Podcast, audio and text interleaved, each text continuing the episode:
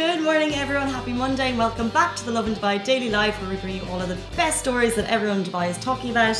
Um, because we're live, I'm just going to flick on our Lovin Dubai live show here. So if anyone was with me, please say hello, so I know I'm not just here on my own at 8:41 on a Monday morning. Uh, how are you guys all doing? Um, how good is the weather on the way to work, by the way? It's definitely walking season, and with the good weather comes the announcements of all of the big outdoor activities, which is really, really exciting. I don't know about you guys, but when this season hits in Dubai, it's like nine months of the best weather you could possibly imagine.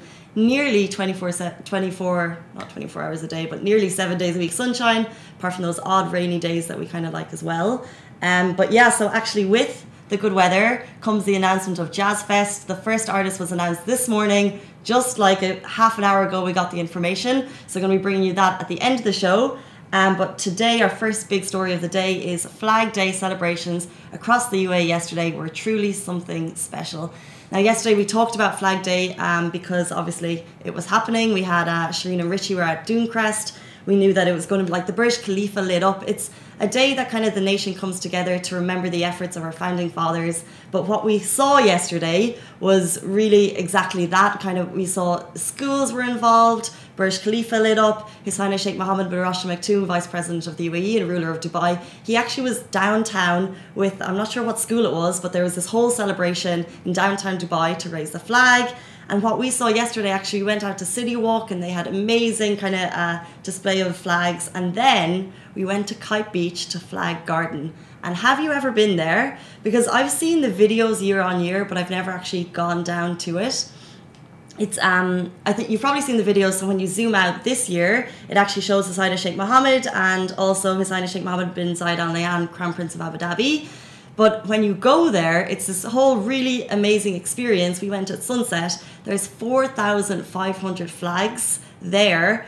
And I think we actually met a couple of people. It was amazing to see all of the different nationalities who went out to check it out. We bumped into some Emiratis, uh, some people from the UK, I think Russia, Uzbekistan. We were chatting to a lot of people. This is actually for an episode of It's a Dubai Thing, which will come out uh, next week where we're talking about Flag Day in the UAE. But it was just amazing to be down there. It's there for the sixth year.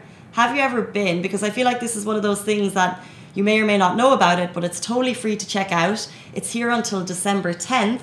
And actually, what was really cool was we spoke to one woman from the UK, but she said she's lived here for 16 years yesterday in the school they had amazing celebrations for Flag Day, but what her kids really wanted to do, hi Rich, what her kids really wanted to do was go down to the Flag Garden and check it out because it's like a maze for them. So we saw loads of like three, four, five, ten year olds hiding in the maze. And then obviously actually did see a dad. I did see a dad searching for uh, his kids. So it's a lot of fun for the kids, a lot of fun for the adults. And this is just another kind of free thing that you can do any day of the week Sunset is a really nice time to check it out, but it's also kind of running all weekend until December 10th, and the wedding is, or the wedding, the weather is perfect for it.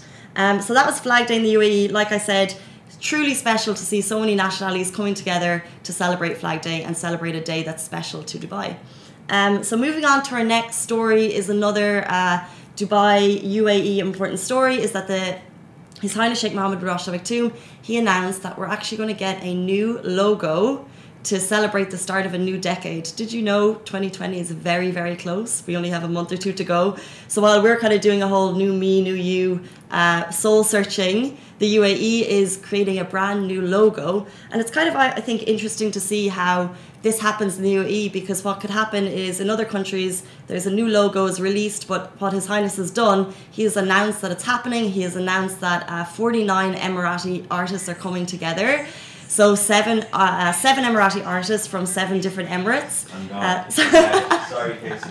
sorry about that. Richard had a speaker on. You know when you play, yeah, back on Instagram stories. But good effort, Rich. Um, so yeah, what I said is the UAE is getting a new logo. It's a national, uh, what will reflect the values of the country. And within the video that he used to promote it, he showed examples from France, Australia, the UK, the United States and we're going to do something similar that will reflect our own unique values. And I think it's really nice that uh, the country is involved in the process of how this brand is created. So, really cool, and uh, that will be announced before the end of 2019, before the new decade begins, and it's to celebrate the mark of a new decade. Um, so, I'm sure that's something we're definitely going to be seeing more about. And then on to our final story is. Excuse me, guys, the first announcement for Jazz Fest has just happened. I love this event. It takes place at Dubai Media City Amphitheatre every year. As I say that, and I read the, I assume it's going to be back at the same venue. It's such a great venue um, with that kind of rolling slope, and then you have the big stage. Um, it's yeah, it's always kind of really well organised there, and happy to announce you can probably see her picture beside me. Lauryn Hill is coming. Uh, she's going to be doing the first day which is february 26th i think and she'll be supported by bruno major. So that is the first announcement and as far as i'm aware we're going to have an announcement today tomorrow and the following day. And actually just Lauryn Hill by the, by the way um, amazing artist. Some of her songs, like "Killing Me Softly," I won't try and recreate it, but obviously you know it. And that thing. no, definitely not. But you definitely know those songs. Amazing, amazing artist, and the fact that she's coming for the first day kind of gets you excited for the following announcements tomorrow and Wednesday. And then after Wednesday's announcement, tickets will go on sale at 8 a.m. So definitely be ready for those. I'm really excited. And like I said, the weather will be perfect. It's February in Dubai. What more could you ask for? those are our top stories. Good morning to everyone. I hope you have a great day. Uh, look, some people said hello. Good morning, guys. I love when you uh, comment. Hi, Bilal. Wish you all a great day. Thank you for your morning update, guys. Thank you so much for tuning in. We're back here, same same time, same place, with all of the big stories tomorrow talking about. Have a great day. Talk to you tomorrow.